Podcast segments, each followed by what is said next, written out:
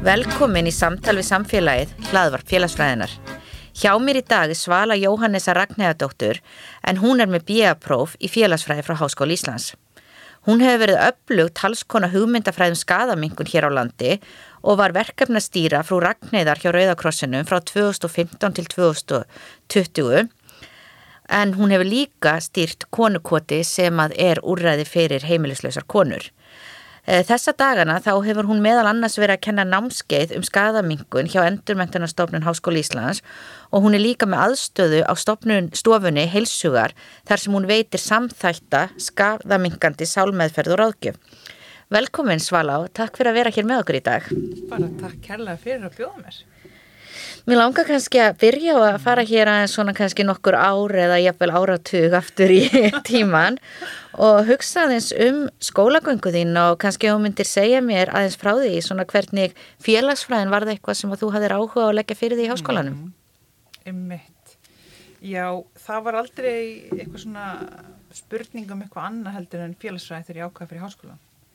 Um, mér finnst þetta skemmtilegst að fæ í mentaskóla og hafði gríðarlegan áhuga þegar ég var í mentaskóla á ábrotafræði mm. og fannst þetta hérna ótrúlega áhugaverð sín og, og ég var þá í, í verkefnsskólanum á Akureyri og þá er mitt sett í félagsfræði kennar þar, nýtt námskjálagina sem var ábrotafræði og við lásum mitt bókinas Helga Gunnlaugs Já. þannig að hérna, þar kveiknaði mikill áhugi og ég er bara ótrúlega ánað að hafa sko að svona teki grunnám í félagsfræði því að mér finnst sko bara ennþá í dag þetta er ótrúlega góður þekkingagrunnur að hafa til þess að fara út í samfélagi til þess að vinna með fólki mm. til þess að skilja sko hvernig struktúrar og bara já, þættir í lífi fólks hafa áhrif á stöðu þeirra mm. þannig að ég er frekar svona öflut talskona þess að fólk fari grunnam í félagsfræði Já Og hvað var það svona, þú veist náttúrulega eins búin að minnast á það, Já. en svona hvernig var námið e, eitthvað sérstaklega sem stóð upp úr og svona mm -hmm. kannski aðeins meira um svona hvað finnst þú að hafa tekið út í lífið Já. með Einmitt. þessa gráðu? Mér finnst sko þessi kenningulegi bakgrunnur. Mm.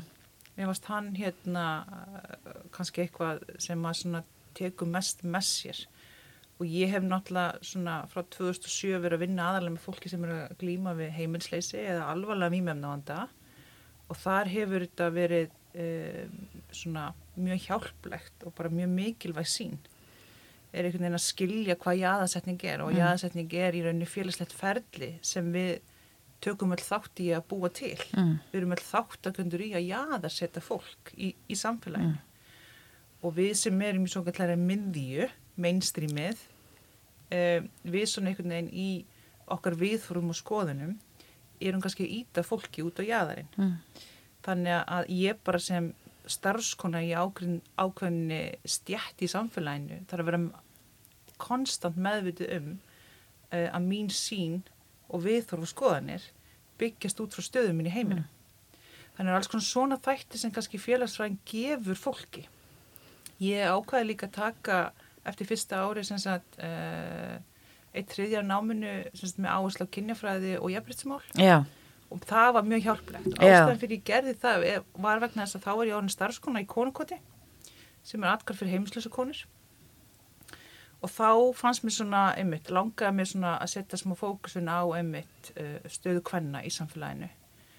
Og, og inn í því er náttúrulega líka að staða hins eginn fólks. Mm. og það var mjög hjálplegt. Já ég uppliði hins vegar svolítið snemma í því námi að, að hérna, það var ekki verið að tala um jæðsetta konur Já. og þá þeim tíma var kannski mjög lítil þekking myndi segja bæði innan háskólans og bara almennt í samfélaginu um mm. stöðu heimilisleisur kvenna og kannski kvenna sem áttu þess að rosa mikla áfallasögu og, og þróast sér núti það að glíma við mikinn geðranna vanda eða mm. výmöfna vanda mm. og það voru svolítið konunar sem uh, ég var kannski svona mest að stiðja við í konukoti. Þannig að já, mér finnst bara mér fannst félagsfræðin gefa mér ansið mikið svona svona kenningarlega bakgrunn. Og kannski svona svolítið eins og þú segir auðvitað bæði kannski með félagslega samskipt en líka kannski að sjá og skilja stöðu annar því ég held að við séum nú kannski öll svona frekar sjálfhverf og hugsun bara já, ég finnst ég gæti þetta þá hlítið hann nú bara að vera umingjaskapur að -hmm. ná sér ekki upp úr þessum aðstæðum eða slíku. Og auðvitað líka að kannski og sumar fræðigreinar og við kannski hugsun mjög mikið -hmm. ofta vera kannski dálítið einstaklingsmiðið að þú veist þetta er bara einstaklingar sem að í rauninni kannski ákvarða sín orlög en skilja í rauninni ekki hitt flokna samspil samfélags og einstakling og auðvitað bara hvernig í rauninni við kannski byrjum á einhver ákveðni vekkferð bara mm. í rauninum leið og við erum getin og við svo sannlega komum ekki öll með sömu tækifærin eða möguleikan inn í þetta líf og sömu náttúrulega geta bara verið orðið mjög brotnir bara á bara barsaldri. Algjörlega og það er kannski einmitt það sem félagsfræðing þau gleri og gefa manni mm. að maður sér kannski hlutin einmitt uh, frá svona samfélagslegu sjónarhóttni og kerfislegu samhengi í staðin fyrir að vera svona overfókus alltaf á einstaklingin mm. um, og það er einmitt það sem ég nýti mig til dæmis að því ég er mjög mikið að kenna í dag um skadamengtu hugmyndafræði mm. og um margskonar yngripp sem því tengjast og ég kenn um þróun á výmöfnavand mm. og þar kemur einmitt líka kem ég inn á þetta hvernig sko félagslegi þættir hafa áhrif á výmöfnavanda og á sama tíma þessar, þessir sálrænu þættir mm. hvernig það hefur áhrif og þróna við með emnavanda Já, og mér langar um þetta að koma meira inn á bara svona einstök verkefni sem þú hefur verið Já. að sinna bæði á mismunandi vettvangi og í kennslu en mm. kannski svona áður en förum út í það því að mm. það er svona kannski það sem að flestir sem að þekkja þig tengja kannski einna mest við þig er hugtakið um skadamingun -hmm og svona bæði þá kannski hvað það hugtak er og hvernig við rauninni vinnum eftir þessari hugmyndafræði. Þannig að kannski bara svona í grunninn að segja okkur aðeins frá hvað er skadamingun hvernig vinnum við eftir þessari hugmyndafræði og af hverju hún mikilvæg? Einmitt. Sko skadamingun er í rauninni þýðing og orðinu harm reduction. Og skadamingun uh, byrjaði svona þróast í rauninni í Hollandi og í Breitlandi kringu svona 1980 til 1983 Uh, og í rauninni kemur alfari úr græsrótinni. Mm. Það voru sem sagt uh, vímu efna notendur aðalega á þeim tíma sem sagt fólk sem var uh, að nota heroin um, sem byrjaði að þróa í rauninni með sér svona ákveðin yngripp og stöðning við hvort annað í svona mótsværa við í rauninni sko kerfið og ríkið vegna þess að þau upplöfu mjög stærst að þau voru algjörlega skilin eftir þegar kom að e, hérna, félagslegum stöðningi eða heilbristjónstu og það má eiginlega segja svona fyrsta skadamingunar samtökin eða yngrypun yngrypun voru hérna Junkie Bond mm. í Rotterdam 1981 Já. og það er semst hópur heroinnótenda sem stopna þessi samtök uh, og byrja meðal annars fyrstu nálaskiptþjónustuna mm. og það er að segja að, að koma hreinum spröytibúna til fólk sem var að nota výmöfni æð. Og þeim tíma var þetta í rauninni svar við uh, hérna Livrabólku B. Livrabólku B var að aukast mjög mikið uh, í Hollandi á þessum tíma. Og, og výmöfnanotendur voru stöðut að kalla eftir aðgengjar hennu búnaði og heilbríðstjónustu uh, og því var ekki svarað. Mm. þannig að þau eiginlega bara tóku málinn í sínar hendur og byrju fyrstu nálskipti þjónustuna Já. og það er einmitt þegar ég er að kenna maður þarf alltaf að skilja sko sögun á bakvið skadamingun og skadamingun í dag er í rauninni bara svona, þetta er bara pjúra líðheilsu yngripp þannig að í skadaminguna þá setjum við fókusin á sko afleggingar og skadisemi výmefnanótkunar í staðin að, að sko reyna að fyrirbyggja nótkunna sjálfa. Mm og það er að segja í skadaminguna þá hérna, reynir maður alltaf að skilja orsakasamingi, það er orsakasamingi á því að hvers vegna fólk notar vímöfni og svo er lítið hlópur af fólki sem þróa með þessu vímöfna vanda mm. og til þess að vinna með vímöfna vanda fólks þá þarf maður að skilja orsakamingið uh, og í rauninni að veita fólki viðandi meðferð. Í skadamingun eru við fyrst og fremst bara að draga úr áhættu og skada eða svona neikvæðum afleggingum af vímefna notkun. Og eitt svona dæmum það eins ég var að útskýra er í rauninni að, að, uh, að veita fólki sem er að nota vímefni æð reynan spröytibúnað Mm -hmm. og með því og rannsóknir hafa einmitt sín, þá erum við að draga úr HVF smittum, lífarbólku C smittum eða fólk fái húðsíkingar uh, og í raunin að nálgast fólk að því þau eru oft mjög jaðasett Mm. fólk sem eru á svona stað að nálgast fólk að koma fyrr inn með í rauninni helbriðs og félagsleg yngripp og þjónustu.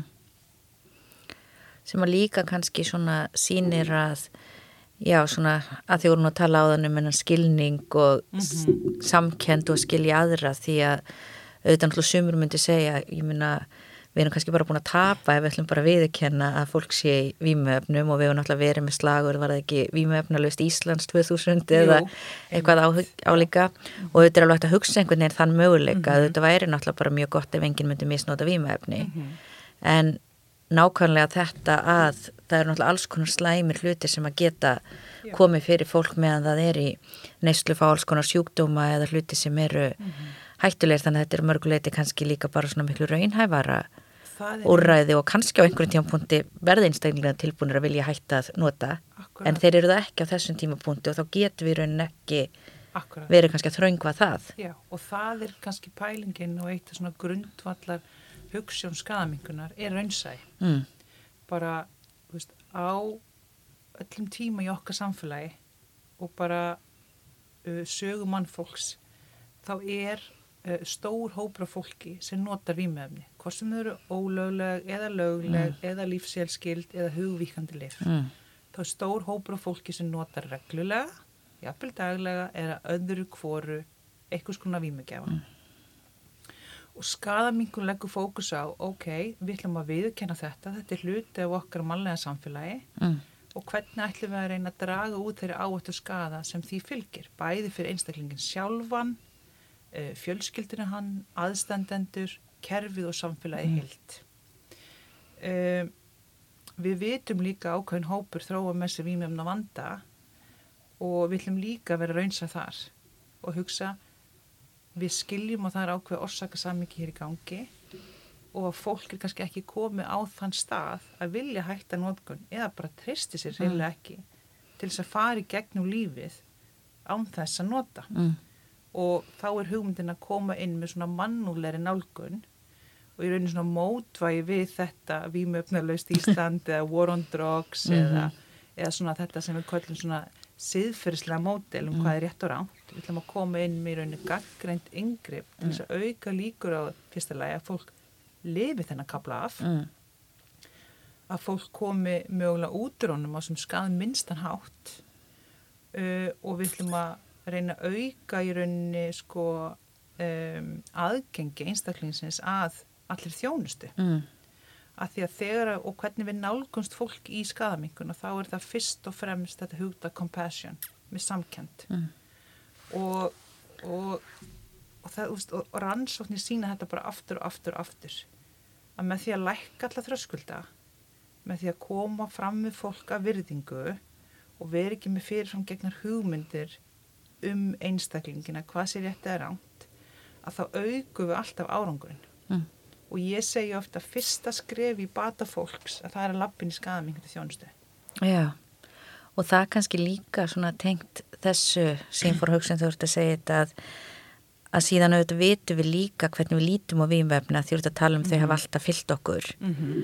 og mismunandi vímöfna og fólk notar það á mismunandi hátt en við vitum auðvitað líka að þetta tengist völdum í samfélaginu. Einmitt og náttúrulega líka hvernig við lítum á jáðarsetta hópa og þar er til dæmis kannski engin algildur sannleikur að áfengi að vera löglegt en kannski önnur vímöfni að vera ólöglegt og mér minnir eins og í bandaríkjunum er það ekki krakk og kókain sem að í rauninni er mjög svipað efni sem er í en það voru miklu harðari viðurlög þú þurftir að vera í rauninni með miklu minna krakk til að sem sagt fá dóm heldur með kókain sem náttúrulega tengist beint hverjir er að nota. Jú annars vegar fátækir svartir og hins vegar ríkt hvítt fólk.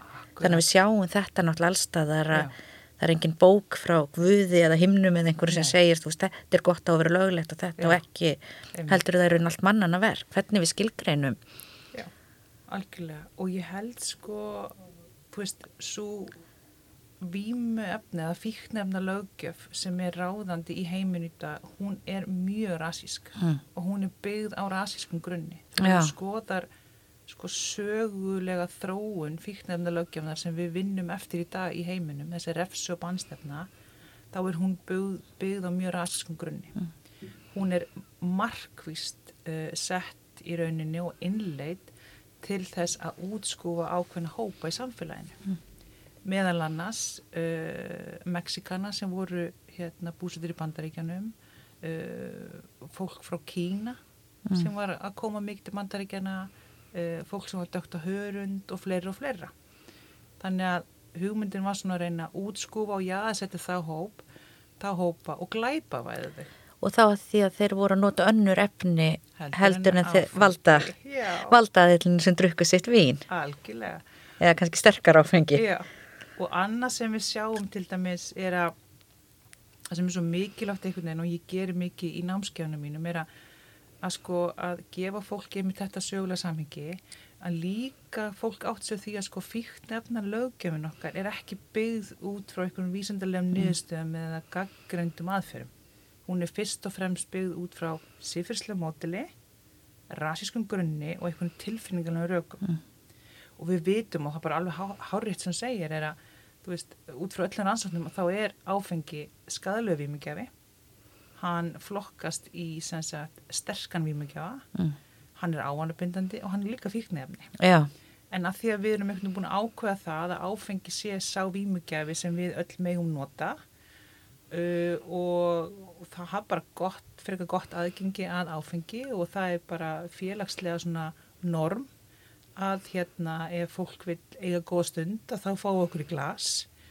Og bara víman af áfengi er líka samfélagslega viðkend þannig að enginn er í rauninni jaðasettur eða útskúfar eða verður fyrir einhvers konar samfélagslegum refsingum. Hann á ekki að hættu við að lenda á sakaskrá hann á ekki að hættu við að sem sagt hérna þurfa að fara í gegnum leit hjá lauruglu eða uh, hann á ekki að hættu á því til dæmis að, að hérna að missa vinnuna sína skilur við þér að fara. Já, nákvæmlega. Og þess vegna bara út frá öllu þessum sko, samfélagslega svona viðurkenningu á áfengi að þá allt í henni fyrir að líta á áfengi sem eitthvað svona skadlausan eða miklu áhættu minni vímugjafa heldur til dæmis cannabis, kókain eða MDMA og, og þá fyrir kannski hópur og fólki sem, já, svona notaregla áfengi uh, að líta á, ég er ekki eins og hinir dópstænir Já, skilur við, og erum sérð- fyrir að segja þetta orð en þannig hugsar meira hluti fólks Nei, menn þú náttúrulega hugsar og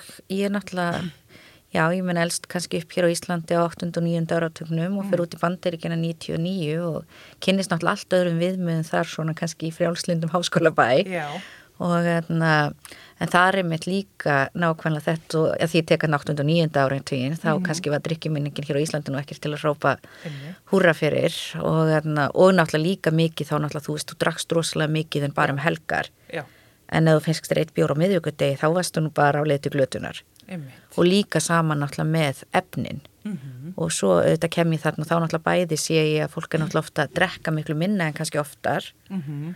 En líka þú veist það var bara verulegur hluti af fólki í þessum háskólabæ sem að til dæmis reykti marihuana við og við. Og ég mun fyrir amfyrir þann tíma þá held ég að það veri nú bara bara beinvísun til glötunar bara, þú myndir bara, þú veist. Og þá náttúrulega ferður líka að sjá þetta og ekki, Já. þú veist, að mæla fyrir hvorki áfengisnýslunni nefni að þessu Mhm. semst almennt, en þá náttúrulega ferður líka að sjá hvað þetta er þó ég hafi lesið um það í bókunum já, og lært um það hér í áfrútafræðinu þá sérðu bara einhvern veginn náttúrulega hvað þetta er ofsalega félagslega skapað og við sem samfélög og kannski sérstaklega sem valdamillir hópar í samfélaginu Mhm. er rauninu með það valda velja hvað er ásættanlegt og við hverju er viðilög, hva- hvað er refsingvert. Einmitt. Það er akkurat það sko.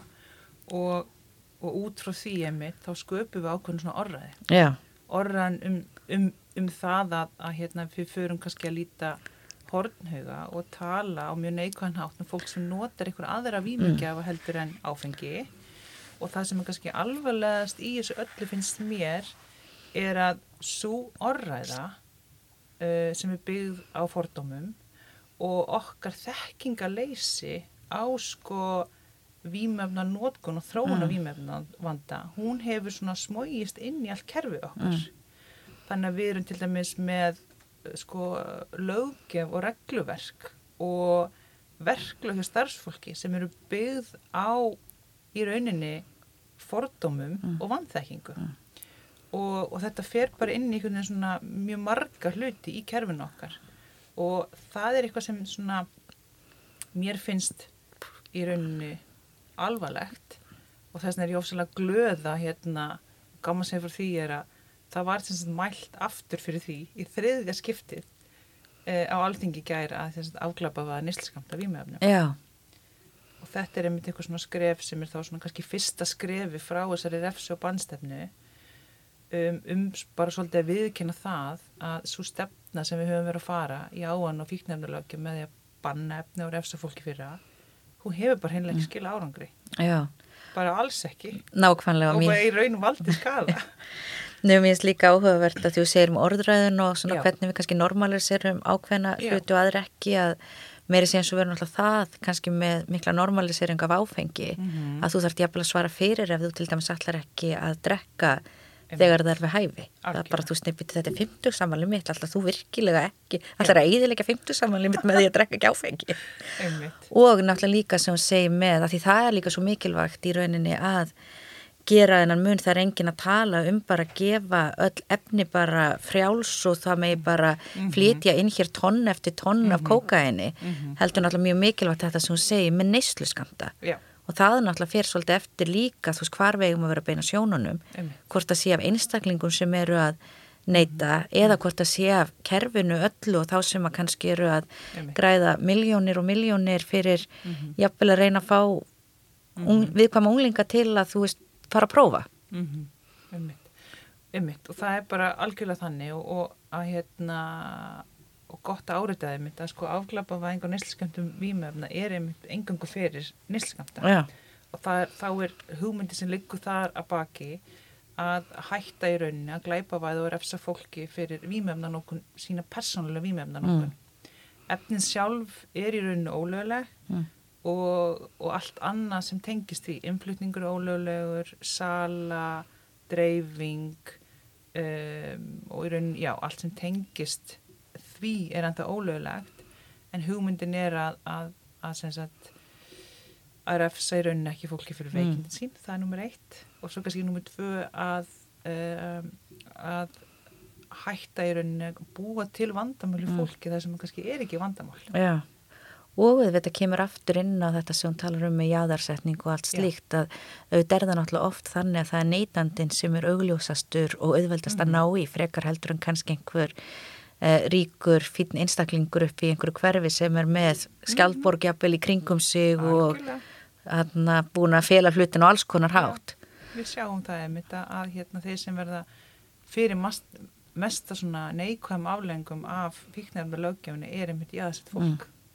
fólk Já. sem er ekki skilur miðstjætta og ofar. Og fólk sem kannski þarf að vera úti í samfélaginu, jafnvel á göttunum að neyta meða við þeir sem að búa í flottu stóri innfylgishús upp í Grafói, ekki að ég sé að að taka einhver hverfi fyrir sig Já. en við náttúrulega vitum það alveg að Já. við erum ekki öll jafn sínileg einhvern veginn í samfélaginu þegar þarna. Og svo er náttúrulega sko, þetta er mannirtindamál Já það að áglapa var nýsliskamta výmöfnum er mannirtnamál svo koma inn skiluru öll þessi hérna, allar þessar rannsóknir og árangur annar þjóða sem hafa stíðið sér skref. Mm. að það er eins og þú veist við sjáum að að, hérna, e, að fólki mun líklega til þess að ringa eftir bráðaðstof það ringa einni eða tvo þegar að hérna, eitthvað alvarlegt gerist. Rannsóknir sína og ég minna nýra rannsókn núna frá Nóri sína að, að 10% af þessum 2000 500 manns sem tóku þátt mm. vegruðsu við að ringja í einnið tvo þótt að það varum alvarlegt tilfelli að ræða yeah. vegna óta við að lauruglan kemur á staðing og aflenga þessum því fylgir mm. mjögulega sagja skrá eitthvað svona refsi yeah. og veist þetta er bara eina fjölumörgum rannsóknum yeah. þannig að afglabbaðvængin er sko mannirtindamál og hún líka gerð til þess að auka öryggi allra Já, nákvæmlega ekki bara fína fólksins Nei, skilur við Nei, þetta er, eins og segjur, það náttúrulega við höfum alveg dæmið um það Já. kannski að já, eitthvað bregður út af og eitthvað mjög alvarlegt Já. er að gera, jafnvel manneski lífsættu akkurat en þá bara við þórum ekki að hringja laurugluna út af því að það er efni hér eða það er auglust að það hafi verið einhver neysla. Annars en kannski áhugavert uh, við aglöpavæðinguna er að það eigur líkur og það að fólk sé fólk leiti til heilbriðstarfsfólks uh, eftir þjónustu við sinni výmjöfnavanda Já, það er opnari á að eiga samtal við til dæmis fagaðila mm. og heiðalegt samtal já, og óska eftir aðstóð já, og það er það sem er svo líka mikilvægt því við viljum alltaf sko auka aðgengi fólks að uh, þjónustu sem það þarf að halda. Nákvæmlega. og ef við erum með einhverja löggjöf sem dregur og líkum á að fólk sé tilbúið eða hefur einhvern ótt ef það leita sér aðstóðar það er bara ekki gott. Já, nákvæmlega, mér langar að koma með meira í sumar af þessum leiðum sem þú hefur verið að vinna með þetta. En fyrst langar maður svona aftur að fara aðeins tilbaka því að eins og þú hefur auglustlega gert mjög mikið uh, og svona já, bara lift grettistaki með að uh, innlega þessa hugmyndafræði. En hvaðan kemur þessi áhugi? Hvaðan einhvern veginn, hvernig kynnustu þessari, bara bæði hvernig kynnustu hugmyndafræðin og svo er það náttúrulega svo ofta fólk lærir um eitthvað en kannski sjálfgefar að fólk í rauninni kannski búið að breyta heiminum tíu árum setna. Einmitt. Sko, já, ég hérna varði rauninu svo heppina árið 2009 þá fer ég skiptinám til útrekt í Hollandi. Já, uh, og fer þar í kvennafræði já, og hérna og bara ótrúlega áhugavert nám þar í kvennafræðum. Og svona annars konar vingill en, en til dæmis hér heima. Var meira svona hérna, tengt sko heimsbyggi og listum og svona mjög áhugavert. Um, en þá semst bara kemur í ljós nokkrum mánu setna að hérna að útrektir í rauninni sko mekka skadamingunar í Evrópu. Já, ég vissi ekkert um þetta harmurdagsinn áður en ég fyrir út og við náttúrulega erum mjög sein á Íslandi að, að þróa þessa hérna, nálgun og koma á laginar úrræðum ég meina frú Ragnæðaverkefnið er svona fyrsta formulega skadamingunar úrræði og það var sett á laginar 2010 mm, og þarna áður en ég fyrir út er ég búin að vera að starfa í konukoti þá aðalega með heimilisum konum. Og hérna og fann mjög svona á þessu tímabili að, að það voru allir bara að gera eitthvað. Mm, það var ekkit eitthvað svona hugmyndafræðileg nálgun sem hafi syngt fram á einhverja gaggsemi eða maður gætt svona reynd að starfa eftir. Um, það voru bara allir einhvern veginn í sikkur hodninu, þú veist, Reykjavíkborg var að gera sitt, Rauðgóð sem var að gera sitt, Samhjálp var að gera sitt og svo fleiri og fleiri. Og það var einhvern veginn svona sameilur evidence-based grunnur sem vorum að vinna eftir. Þannig að ég eiginlega bara svona sá ljósi þegar ég fyrir út. Og hérna og vissi ekkert skilur og ég ákveða bara þegar ég lauk náminu ég, ég kom aftur heim og ég ákveða bara, herri, ég ætla bara að fara út. Og ég var út í sex vikur. Mm, og ég skoði öll skadamungan úr ræðin í borginni alveg frá sko viðhalsmeðfæra hérna klinik með methodóni og var með þeim í heilan dag. Uh, ég fór í sem sagt uh, öruga neyslir í mig í borginni.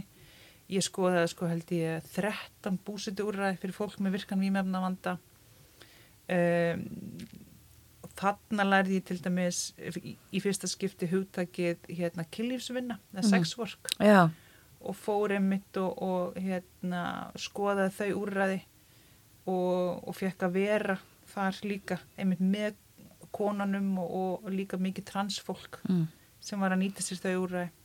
Og það var einhvern veginn komandi úr sko kynjafræðinni var bara þú veist, hérna alls konar fyrir mig. Mm, það var bara tilfinningarlega líka erfitt já, en bara þroskaði mig gríðarlega. Mm, um, þannig já, ég var bara nút í sex vikur og ég bara skoðaði allt og fekk að vera og, og var mikið með fólki sem var að nota úrræðin og var bara svolítið í einhvern veginn minni eigin rannsóknarvinni og svo bara fer ég að lesa á fullu og, og kem svo aftur heim og þá er ég mynd búið að setja frú Ragnæðverkefni á laginnar og, og við ákveðum bara þá í saminningu við umsynakonu hérna konukott, þannig að Þóri Einars að bara í rauninu svolítið þannig að skrifa í innlega þessi hugmyndafræði inn í konukott og við byrjum bara á því að, að hérna, innlega nálskrið þjónustu og, og fræðist í kringu það og svo bara byrjaði boltin einhvern veginn að rulla og þannig einhvern veginn, já en sáu ég sko bara ljósi og hvernig var það þá líka og þarna hörgunlega fengið góðan stuðning í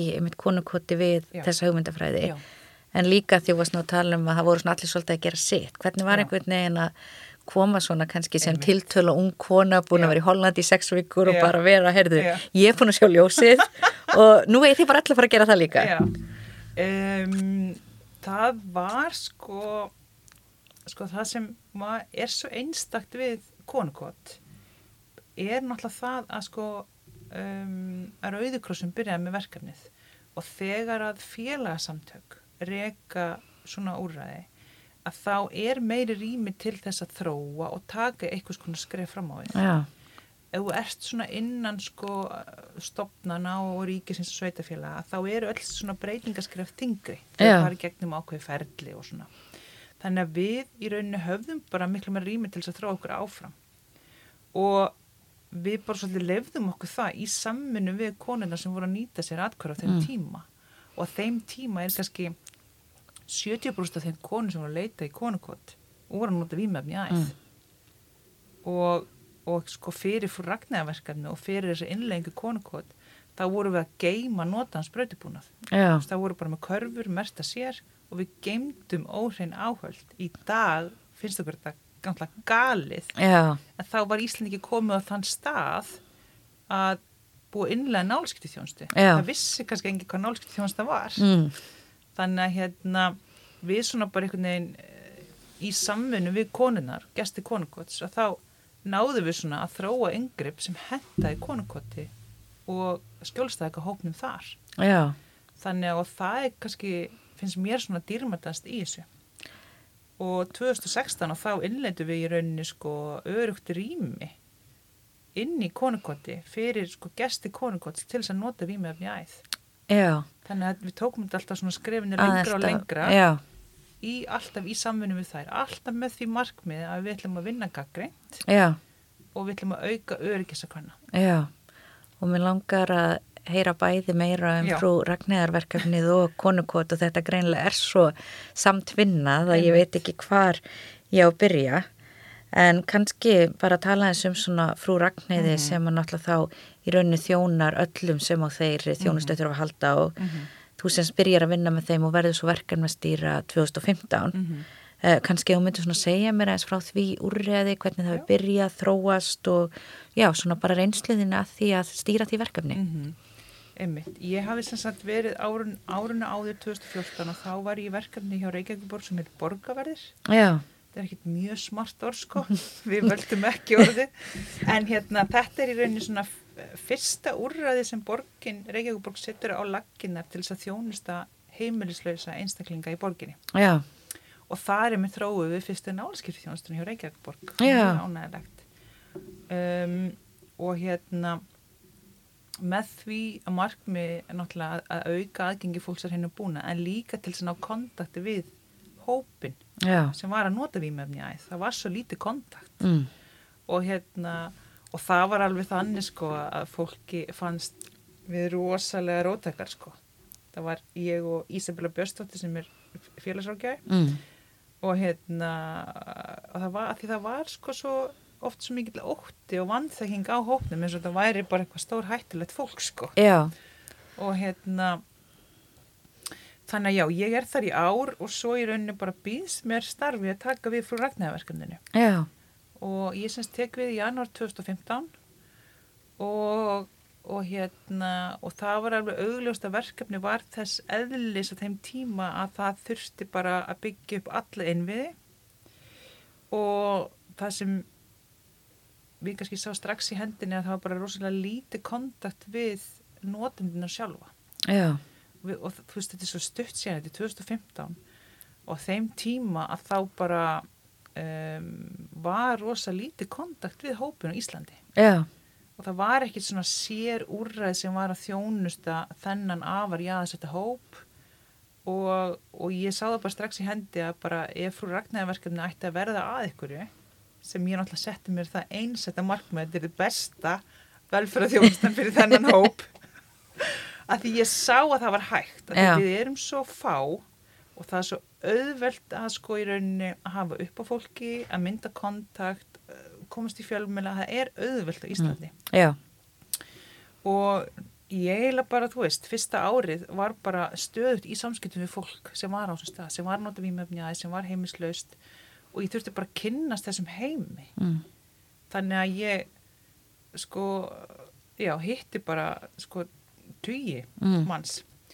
Og, og hérna, og hafði líka áhuga því að hitta fólk sem var kannski ekki, sko, í markkópi frá Ragnar heldur var á eitthvað nátt tengt, sko, výmöfna heiminum. Já, heildsölum um, sölu aðilum bara til þess að skilja hvernig virkar þetta því að við erum einhvern veginn sko og erum kannski enn, okkur vantar svo mikið gögn á Íslandi, okkur vantar svo mikið sko þú veist gögn um bara í nennan þennan ólögulega markað. Ég meina Já. hann er já, og og með einhvern veginn þessu að fara í þessa rannsóknarvinnu og bara einhvern veginn auglýsa skadamingun innan sko þessa hóps já, að þá einhvern veginn fer bara start og stöðugt sko hérna heimsóknum í frúrakni að aukast. Já, og á sama tíma erum við að reyna að byggja upp innviði verkefnisins, það er að segja að e, auka hérna vakt, vöktum, lengjavaktir mm. e, fjölga þjónustu yngrippum í frúrakniði um, og, og svona bara já, í rauninu allt verkefni bara stækka jæmt og þjætt og frúrakniðaverkefni er sjálfbólega verkefni. Já, og Rauðkrossin starfar eftir þeirri hug, hugmyndafræði. Þannig að, að sko fólki sem sinnir vaktin í frú Ragnir þegar bílinn fyrir út á kvöldin eru sjálfbólegar já, og þegar ég tek hana við 2015 og þá var bara mikil skortur sjálfbóleg já, og ég náttúrulega skildi ekkert í því. Mér Mm. fannst þetta náttúrulega bara langskendilta verkefni. Og það var svo ánægt að segja frá því að bara með allir þessari vinnu uh, og svona málsvarastarfi Mm. og fjölmjölu um, umvillin að þá verður frú Ragnarverkefni tveimur án setna vinsalasta verkefni á Rauðkrossin já, vá. Og tímabili var sko tveggjar og byggðlisti að taka þátt Já, til að koma að stað. já, Og þú veist að segja áðan einmitt með sko að því kannski veltu fyrir hvað gerist. Þannig að þú segir að það semst eikst fólk sem er óskæfti þjónustu. já, Þannig eftir hverju fólk að óska kannski hvað, hvað svona típiska sem að já, ef einhver kemur og hefur kannski aldrei komið og leita til ykkar. Hvað er það sem er í bóði? Já, þjónustu yngrupin í frú Ragni eru, uh, þau eru nokkur. Í fyrsta lagi er frú Ragni verkefni svona uh, í rauninni bara bíl sem er búið sér inn, innist það svona eiginlega sem lítil heilsugjastla Já, en reynd að hafa svona frekar kósi og heimilslegt. Einmitt þessi hugmyndafræði um að, um að afstopnana væða já, þennan vanda. Og fólk getur komið í bílinn og fengi í rauninni sko uh, hérna hreinhansbrautubúnað þá í rauninni allt sem það þarf til til þess að lámarka líkur á, smittum og sýkingu já, og svo fær það nálabóks þannig að getur farga búnaðanum og örgan hátt og skila svo nálabóksinu aftur í frúrækni og þá eru við reyna að mitt að draga úr þessum svona samfélagslegum áhrifafþáttum að búnað getur orðið eftir á götnum borgarinnar eða í ruslinu og svona.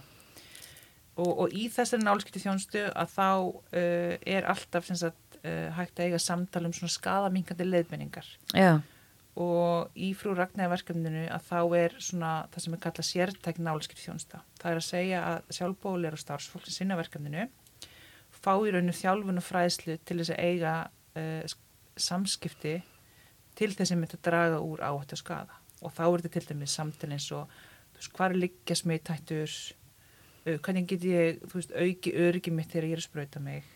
Um, átt samtal um skamtastærðir mjög mikið, þú veist, ofskönduna forvarnir um, og auka í rauninu svona bara hérna, þekking og valdherri yfir einn aðstæðum. Um, þannig að þú veist, það er oft skima fyrir hvað efnist að nota og út frá því svona reynum við að koma inn með fræðslu og leiðbynningar en alltaf á þeirra forsendum. Já, þannig að það er eitt hlutin af verkefninu.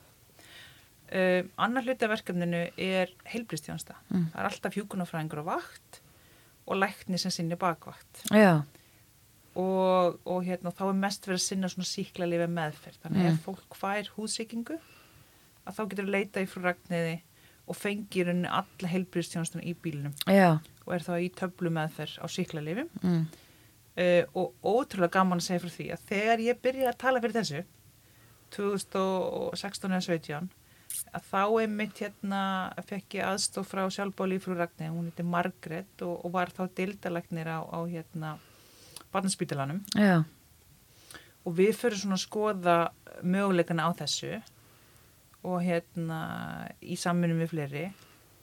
Og köllum saman hérna fund á nokkrum læknum sem voru mikið kannski að sinna þessum hópi á landsbítalanum og fólki fannst þetta algjörlega galið. mm, En ég vissi náttúrulega bara út frá rannsóknum og, og reynslu minni erlendis og hafði í millitíðinni, veist, frá því ég fór fyrst Og að hvað- skota í, í útrekt og hvað var þá svona gali við þetta? að fólki fannst náttúrulega bara þessi hópur, hann er ekkert að fara að sinna töflum með þetta. Já.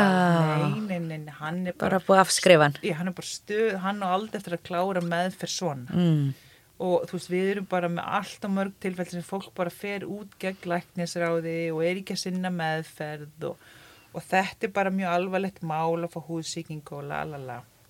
Og ég skildi alveg ávíkjurnar út frá kannski þeirra reynslu af einstaklingum á þessu st- stað inn á landsbítalan. mm, En ástæðan fyrir því, bara svona smá að fá- settin, ástæðan fyrir því að fólk fer út gett læknisráði er einmitt ekki vegna þess að það hefur ekki áhugað að klára meðferðina. Er bara því að það er ekki verið að koma, heilbískerður er ekki að koma á móts við þeirra þarfir. já, Og það er að segja með vímefnavandan, þau eru ekki að fá viðhaldsmeðferð, þau eru ekki fá liv eða frákværsmeðferð. mm, Um, og þess vegna var svo ótrúlega ánægulegt að sjá að þegar við innleitum þess að síklega meðferð á vettvangi uh, að þá bara síndu tölur, tölur okkur allt annað já, og sko tveimur árum setna 2019 minnum ég að þá var sko 94% meðferðhælni já, síklega vá, meðferð í frú Ragni já. Sem er herra en allir aðrir hópar samfélagni segir hún. Ummi. Og það er herri en sko hópar sem ég og þú myndum tilheyra. Já, þetta er svo magna þetta er alveg og þetta ótrúlegt segir okkur svo mikið að ef við bara, þú veist, setjum svona greiningagleru á okkur og reynum að setja okkur í stöðu fólksins sem við eigum að vera að þjónusta. Sem hver er markkópi frú Ragnar markkópurinn er fólk með alvanlega vímefnavanda aðalega þeir sem eru að nota vímefni í æð og svona cirka 40-60% af uh, skjólstæðingum er að glíma við heimisleysi. Mm, Í öllu þessu er fólk að glíma ofti geðrannar áskranir, oft mikil áfallasaga. Hver er staða þessa hóp í íslensku samfélagi? Og út frá því þurfum við að skoða hvað þröskulda er hann að upplifa mögulega í heilbristjónstu sem gerir það að verkum, hann leitar illa í heilbriskerfi. já, Og þegar maður er að fara svona að þróa svona eins og síklega meðferð á vettvangi, þá þarf þetta að vera búin að skoða allt þetta og eiga samtal við notendur. Mm. Hvernig myndi þetta henda þér? Hvaða, hvaða þætti þarf ég að hafa í huga sem verkefnastýra svona úrræði til þess að auka líkur á því að fólk fyrstulega leiti, líði vel með það, tristi sér til þess og hvaða stuðningstarfir hefur umrættir hópur til þess að geta klára þessa meðferð. já, Og við bara settum upp bara mjög solid plan sem bara skilaði 94% meðferðhælni. Þannig að þetta er hægt.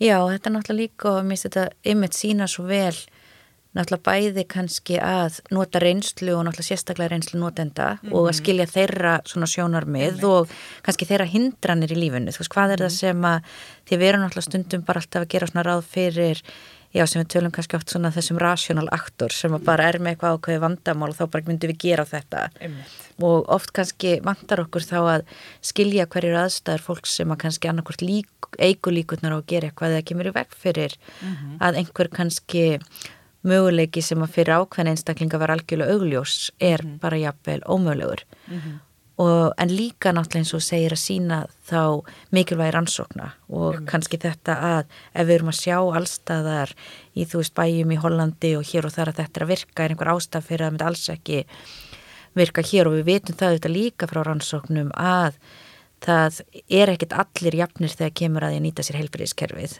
sama kannski hvað læknar vilja segja um það Einmitt. og sumum finnst kannski þægilegra að fara inn í heilbriðiskerfi heldur en öðrum Mhm. og mæta betra viðmóti þannig að þannig þurftur náttúrulega komið rosalega mikið kannski af hindrunum Mhm. bæði kannski hræðslum að ég er að nota vímefn og ég veit að það er ólulegt og ég á ekki vera að gera það Mhm. jafnvel neikvæður upplifanir úr heilbriðiskerfinu uh, langt í rauninu svona því við tölum oft um eins og bara þegar við skoðum samskiptilegna og Mhm. Uh, sjúklinga þá náttúrulega sína allar rannsóknur í rauninni því líkari sem þeir eru, því betri það er svona kannski stæðsti forsparþátturinn fyrir góðsemskiptu og um leiða mm -hmm. og félagslega fjarlæð eigst þá er rauninni fara að koma inn alls konar mm -hmm. vandkvæði samskiptum þannig að þetta svona kannski er hópur sem að já, þú myndir svona út frá öllum rannsóknum sem að lesti heilsufélagsfræði kannski búast við að myndi eiga einstaklega erfitt uppdráttar innan helbreyðskerfi sem svo ég sækja sér þjónustu. Og það er bara akkurat okkar einsla sem störfum í þessum máluflokk. Mm. Er að við bara vitum, þú veist, ef þú ætlar að, ef þú ætlar að vinna með uh, fólki sem er að glíma við heimisleysi eða einhvers konar uh, aðra jáðsetningu þá bara veistu þessi hópur hefur ekki sama aðgengi að uh, heilbríðstjónst í landinu uh, og hann hefur raunin ekki sama aðgengi að sko megninu af almenni þjónustu mm. Þannig að þú veist þegar ég er til dæmis er að búið til verklug og svona fyrir úrræði sem ég hef komið að mm. eða starfa í um, að þá er þetta alltaf undirleikjandi tónin ég er alltaf að reyna að greina skilur hvert hvert er þægilegast fyrir umræðan einstakling í þessari stöðu að leita mm. þannig að hérna uh, já, þetta er bara eitthvað sem við vitum en svo sama tíma þá vantar okkur svolítið sko gogn sem staðfesta þetta á Íslandi. Já. og hérna uh, og ég bara pizza út hér. Já. það væri rosa gaman ef einhver myndi hefðir áhuga að gera slíka rannsókn eða að nýta kannski mastersnámið sitt. Já. Í að skoða þetta sérstaklega. Og, hérna, og það er svo margt sko varðandi uh, stöðu fólks sem glýmur og výmjöfnavanda eða heimisleysi sem væri áhugavert og í rauninni þart að skoða. Já. Þannig að Algjörlega og hérna, já, við auglísum hér með formulega eftir mastisnum í félagsfræði að skoða þetta tekur ekki náttúrulega tvö ára þá munum við bara vera búin að, að komast allar reynd já. En mér langar þá líka og við erum auðvitað búin að tala svolítið um konukot mm -hmm. sem að þú vil líka stýrt og -hmm. eins og við komum fram þá er það úrræði fyrir heimilislausar konu mm -hmm.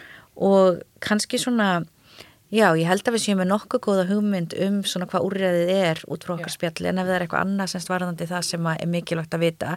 En líka kannski svona beinaði sjónum af konum. Og af hverju er kannski sérstaklega mikilvægt að vera með sérúræði fyrir konur og beina sérstaklega kannski sjónum að konum sem eru í þessari stöði samfélaginu. Einmitt, einmitt. Það er sko, einmitt, þegar maður er að vinna með, ef við tökum bara hópin fólk sem er að glíma heimilisleysi, að þá eru náttúrulega, sko, heimilisleysi er hérna margskonars um, og fastir leita í neyðarskili eða neyðaratkvörf flestir kannski hérna, búa við mjög ótryggar aðstæðir mm. og það er að segja í hérna, ósamþyktu húsnaði uh, bara hilsufarslega ekki góð húsnaði búa í þannig aðstæðum að þú veist að ef þeim er í rauninni hendt út að byrja um að fara þá lenda þau á götunni þannig að mín reynslega kannski á að vinna með sko konum sem eru að glýma við margskonar vanda, svona fjölþvætta vanda Já. og við sjáum bara í dag er að hérna COVID kannski hefur um, kannski dreyið það meira svona inn í, í ljósi eða sko einhvern veginn sínt fram á það er að um, stór hluti hvenna sem glýma við heimisleysi er í rauninni út af sko bara ofbeldi. Já. Það er bara svolítið þannig. Já og, og ég meina það sem gerist núna í COVID er að bara það var mikil aukning á að konur uh, urðu heimisleisar og voru að leita í neðskili já. þannig að þannig að svona, já, það að vinna með konum á þessum stað, það þarf svona sértakari nálganir já. að því að við vitum að sko að áfallasaga þeirra er mun þingri oftast og hún er floknari og er búa einni við mikið óbeldi mm. þannig að, að þetta er svona svolítið uh, saga þeirra og, og, og er ástæði fyrir því að það þróa með sér alvanlega výmöfnavanda, einhvern veginn að díla við sko sásugan og áfallströtu enginin sem fylgja því að hafa orði fyrir margskonar óbeldi og svo einhvern veginn sem við segjum oft í heimi neistlinnar og heimi sko um, heimilsleisinsins að þá verða þær fyrir mjög miklu óbeldi mm. þannig að þegar maður starfa með konum á þessum stað þá skiptir gríðarlega miklu máli að starffólk kunni og er meðvitað um áfalla með að nálgun að úrræði sé ekki á einhvern hátt að endurvekja upp áföll Já, eða svona virkja varnakerfið þeirra og einhvern veginn íta undir um, þennan sársöka. Þannig að þess vegna er til dæmis konungott og hefur alltaf verið frá byrjun með hugmyndafræði að konur stiðið við konur. já, Það er engur konur sem koma að starfsemi konungotts, uh, allir sjálfbóli að starfsfólk og stjórnendur um, og það er bara vegna þess að, að þú veist, rannsóknir sína og reynslan er að, að konur sem leita í neðarangur fyrir, já, út af, út af heimilsleysi um, að það eiga oft mjög neikvæð og erfið reynsla af kallmönnum já, og þannig að eitt, ein svona hugmyndin er að, er einmitt, já, að endurvekja ekki þessi sko, já, er bara í rauninni kannski að koma þeim í aðstöðum þar sem þær upplifa öryggi. já, akkurat, að því maður er alltaf að reyna að huga að öryggið þeirra, vissulega er það mjög erfitt í neyðaskilum, Já, að því að, og í rauninni má segja sko að hugmyndin um neyðaskili er bara síns tíma, já, við það er bara það sem við vitum í dag, já, út frá gögnum og reynsli, er að uh, neyðaskili, sko, upprunnilega hugmyndin af neyðaskili er bara að fólk er þar í mjög stuttan tíma, mm, þanga til að félagslega kerfi er að reyna að finna lausn á þínum húsnæðasvanda. já, Í dag hefur að þróast þannig og ekki bara Íslandi heldur allstaðar þar sem heimilsleysi er að aukast í flestum löndum í heiminum í dag. Mm, eh, sem er annað sem ég vil að pizza fyrir mastisnefman að skoða einmitt hvers vegna heimilsleysi er að aukast á Íslandi. Já, og það er aukast. Og við sjáum gögt frá 2012 er að það er búið aukast um sko eh, allan út frá kortlætningu frá Reykjavíkuborg að þá frá 2012 til 2017 að þá síndi svo kortlætning að það var um 90% aukning já, vá. sem er gigantíst. Og hefur einhverja, ég veit að við viljum alltaf byggja á rannsóknum Já. og neðistum, en hefur einhverja tilfinningu fyrir hvað það er sem er gerast? Það er bara hvað er að gerast í íslensku samfélagi frá 2012 til 2017. Já, Það er náttúrulega bara mikil aukning á túrisma, já, mikil aukning á að uh, hérna uh, að leigumarkaðurinn hérna að auki, að dregst úr langtíma leigum og fyrir við skamtíma leigum mm, af því það er fjárháslega hakan já, og á þessum tíma er líka aukning á sagt, eh, erlendu fólki sem er blitt til Íslands. já, Þannig að uh, eftirspurnin eftir leiguhúsnæði mm, bara hækkar og hækkar og hækkar en frambóðið kannski ég vil úr. Já, nákvæmlega. og, og á þessum tíma er félagslegu vandi fólks að aukast líka um, en kannski húsnæðaskerfið fyrir þann hóp er ekki að ná skilur að byggjast upp með við þörfina. já, Þetta er eitt. Þannig að það verður mjög áhugaverst ykkur mástisnefnir hlusta til þess að fara að skoða þetta. já, ég bara sé að það er nóg af verkefnum, en mér langar síðan líka aðeins svona að það sem þú ert að gera núna, Mm. því að það er kannski svona ákveðin kapli sem að svolítið lokast við Mhm. að, að þú hættir hjá frú Ragnæði Mm -hmm. Og nú ertu að vinna hjá stofu sem heitir heilshugar að Mhm. veita skadamingandi sálmeð fyrir ráðgjöf og þá ertu bæði eins og segir með fólk sem eru nú öllum svona uh, stigum vímefnarófsins Já. og síðan líka fyrir aðstandur og starfsfólk Einmitt. þannig að myndi svona segja mér frá kannski hugmyndafræði Já. þessar stofu þeir eru Já. sem að eru saman Já. Og svona hvað það er sem þú ert að gera og kannski af hverju fannst þetta svona vera tíminn kannski til að taka það stökk að fara í þetta Einmitt. Og það var stórst stökk fyrir mig og ég þurfti svona góðan aðlöðuna tíma því að um, þú veist, í grunninn að þá á það rosalega vel við mig og ég fíla rosalega mikið að vera í svona hérna, miklum hraða og action og, og fá bara verkefni svona flatt upp í hendunar og bara hérna, þurfa að breðast hratt við og, og hérna, ég kann rosalega vel við mig í því umhverju, þannig allt svona vettfangstarf og, og vinna með, þú veist, kræfandi aðstæð finnst mér æðislegt. mm. Þannig að það tók mér smá tíma einhvern veginn að aðlaga því að einhvern veginn að fara síðan inn, í, inn á stofu, það sem alltaf að vera rosa rólegt og þægilegt og maður er svona að draga úr öllu áreiti. Það var mjög áhuga ferli fyrir mig, sko.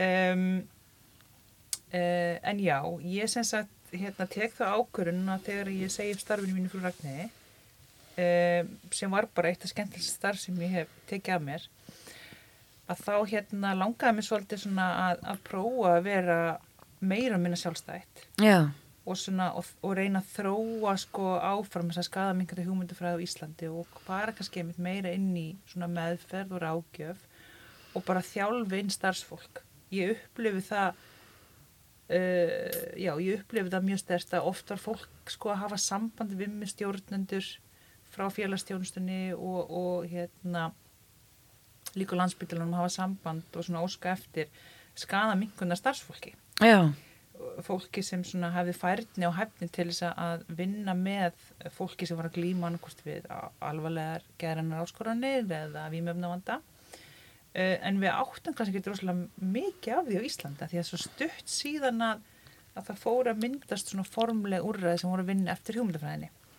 Þannig ég hugsaði með mér ok uh, þetta er kannski mikilvægt fyrir Ísland að reyna einhvern veginn að búa til stærri hóp af starfsfólki og fagfólki uh, sem hérna hefur einlagan áhuga á þessu og hefur í rauninni færtina til að gera þetta vel og þess vegna fer ég mitt í hérna, samstarfi endumöndun og fer að setja upp svona opinnámski í skadamingun sem hafi verið mjög vinsar þau hafa verið mjög vel nýtt og það er þá starfsfólk sem kannski er nú þegar á já, að vinna innan helbriðskerfisins, velferðarkerfisins. Og það er, þú veist, það er mikið starfsfólki að koma frá hérna bráðmöndugunni Fossvogi uh, geðsvið landsbítalans uh, starfsfólk heilsugesslin hefur að koma starfsfólk, kannski komum kannski mér mest að óvast er það að ég hef það hafa verið svolítið mikið að námsrákjafum sem Mhm. hefur að koma og livjafræðingum já, mjög áhugavert Mhm. og síðasta námskeið sem ég var með uh, voru 22 og, og 5 af þeim voru livjafræðingar mjög áhugavert. Og hérna og ég svona hugsaði með mér einhvern veginn bara að hafa opið námskeið þannig að, að starfsfólk kemur að þessum álefnum á einhvers konar hátt geti komið og bara fengið fjartíma fræsli og námskeið um hugmyndafræðina yngrippin og, og svo seti er ég líka með fræsli sem sagt um þróun og vímefnavanda Mm. þróast vímefnavanda því ég held að það sé sko svona grundvallar uh, hugsana skekkin okkar mm. er að fólk heldur oft að vímöfni sjálft sé aðal vandamál lífi fólks að það er að segja ef þú prófar eitthvað vímöfni þá hafi það sko það uh, sterkan áhrifa þátt, svona efnafræðilegan áhrifa þátt og það bara tekur yfir heilan að þér og þú verður hút for life, já, skilur en við vitum að það er ekki skilur Já. það þurfa að vera þú veist, þetta eru samverkandi margskonar áhrif mm. sem hefur áhrif á það að sumir þróum þessu vímöfnavanda en langflesti sem prófa ólögulega vímöfni eða lífsfélskildlif eða lögulega vímöfni þróa aldrei með þessi neitt vanda. já, Þannig að ég fer svolítið líka inn, inn í þetta Mm. og vildi bara svona einhvern veginn auka aðgengi fólks að skadamingadegi námskeim og líka einhvern veginn uh, að reyna svona auka færni fólks sem er að vinna eitthvað starf sem tengist þessu. já, Þannig að það var mjög áhugavert og er mjög áhugavert og en svo ég kem aftur að heilsuga. Já, nákvæmlega. Að það er hérna mjög skemmtileg þróun. Er að sem sagt Lil, Lilja Sif vinkona mín sem er sálfræðingur og svona mikil seffræðingur í áföllum. Mm.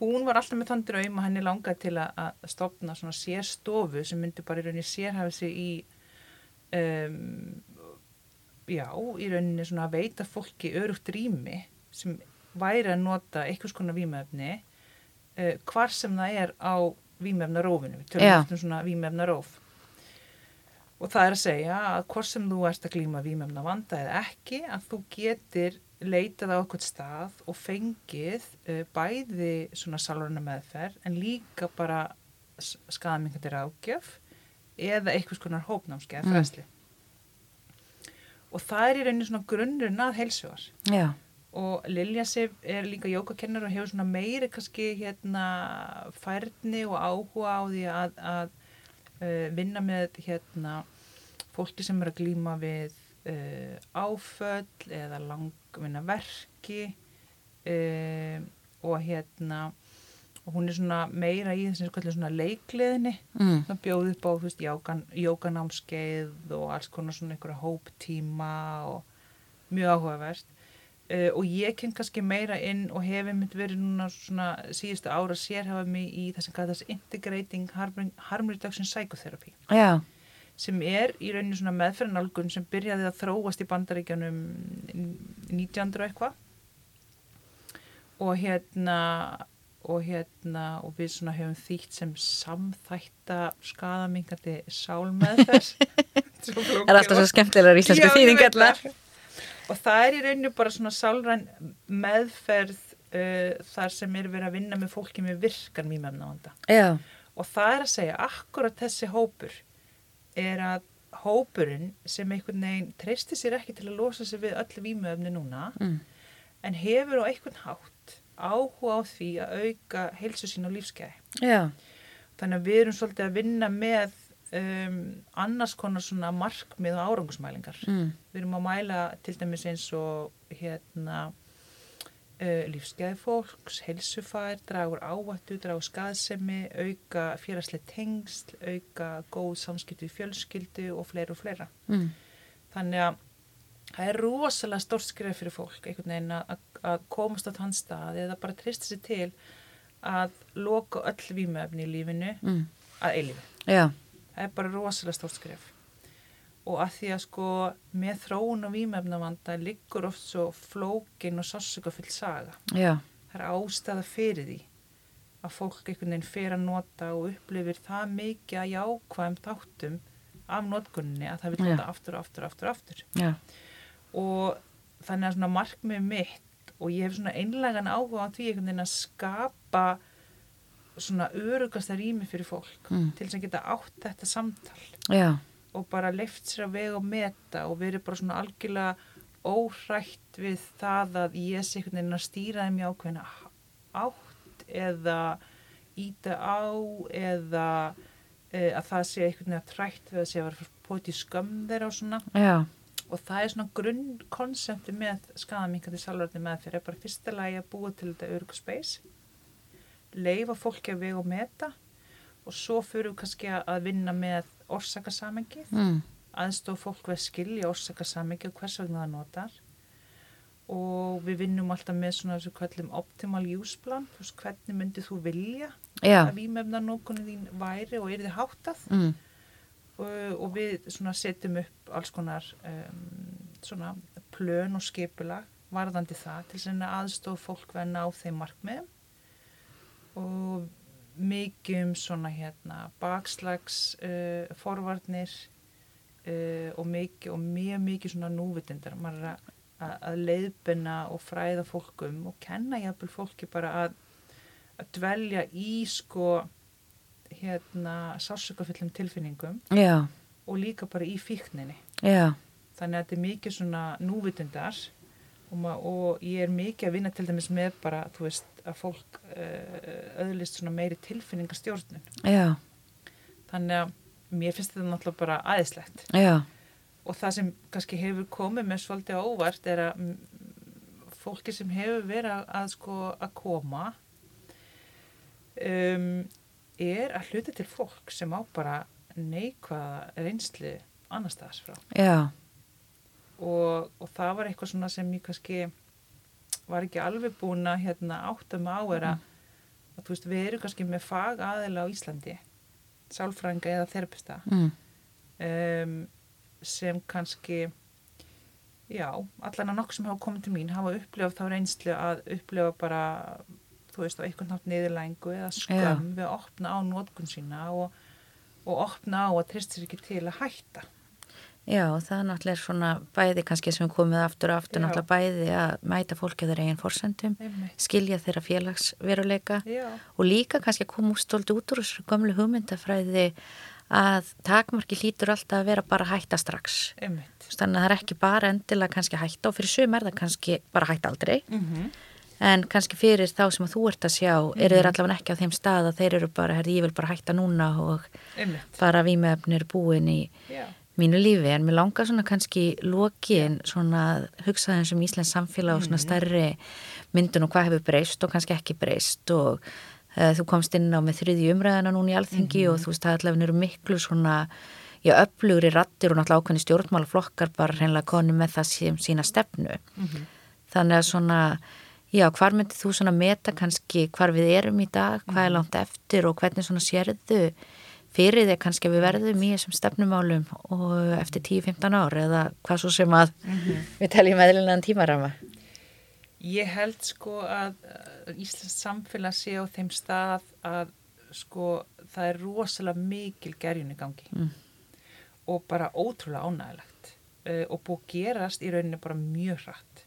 Og við sjáum í náttúrulega bara eins og frá ykkar ansvöldum með félagsfjörnstofnun eða þú veist frá 2019 til 2021 þú veist þá var bara mikil aukning með landsmanna sem eru hlindir og samþykir áklapavæðingu neyslisköndum vímefna. Já, Þetta er eiginlega bara ótrúlegt. Já, og hérna vissulega náttúrulega kannski svar hlutfalli um, um 50% en það gefur okkur ákveðna sín um að um, fólk sem býr á Íslandi er svona öllum líkindum orðið mjög hlind afglapavæðing og neyslisköndum allar vímefna já, uh, og það segir okkur líka að það málsvarastar sem búið í gangi síðustu ár uh, hérna af fjölmörgum aðilum innan kerfis, utan kerfins er einhvern veginn að skila árang Mm. og ég upplifði til dæmis að mér finnst svona fólk almenningur skilja betur hvað aðglapavæðingar og neysliskemtum þýðir og ákveður þetta skiptir máli. Já, þannig að það er mjög ánægilegt ég vona náttúrulega innilega að, uh, að þetta frumvart verið samtíkt já, og það er eiginlega svona fyrsta skrefi fyrir okkur sem samfélag að geta sko snúið stefnir svolítið við og farið að vinna eftir sko gaggrindri nálgun. Mm. Og bara með sko hérna öryggi og líf fólks í fyrsta sæti já, og þú veist það er það er náttúrulega bara galið að við séum að refsa fólki fyrir vímefnan okkur sína já. að því að þú veist allar rannsóknir og þú veist það náttúrulega betur en ég skiluru Ég held að þú vitum aðeins meiru þennan málaflokk en ég. en, En, þú veist að, að hérna að það er svo rosalega óhjálplegt fyrir okkur sem samfélag og kerfið að vera að glæpa að og jáðsetta fólk fyrir vímefnan okkur sína. Það eigur á, á, á, sko öllum vanda fólks. Já, þannig að ég vona að þetta komist í gegn og að því að þetta er eiginlega svona sko það að ná afglapavæðingu neysliskendum í gegn er eiginlega svona grunnforsenda fyrir því að við getum haldið áfram þessari vegferð sem við erum búin að vera á það er að segja að mæta fólki það sem það er start eða þú veist með vímefnavanda af mannúð og kærleika og koma inn með þessi skadamingandi yngripp já, ég held að það séu bara fullkomin loka orð. Ég held að við getum talað um þetta í marga tíma í viðbót, en bara takk kærlega fyrir að koma að vera með okkur hér í dag. og mínir ánægin, takk svo mikið